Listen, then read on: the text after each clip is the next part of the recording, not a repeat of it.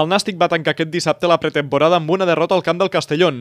Els homes de Lluís Carreras van caure per 2 a 0 contra un equip de tercera divisió, en el que és la primera derrota grana del curs. Carreras va alinear de sortida un 11 molt competitiu, però a partir del descans va donar entrada a jugadors del filial i altres que en principi han d'estar cridats a ser menys importants. Amb aquests canvis l'equip es va desdibuixar i el Castellón es va avançar amb un gol de Cubillas al 65. El segon va arribar l'últim minut mitjançant Rubén Fonte. El debut a la Lliga dels Grana serà el proper diumenge a dos quarts de nou del vespre al nou estadi davant l'Almeria.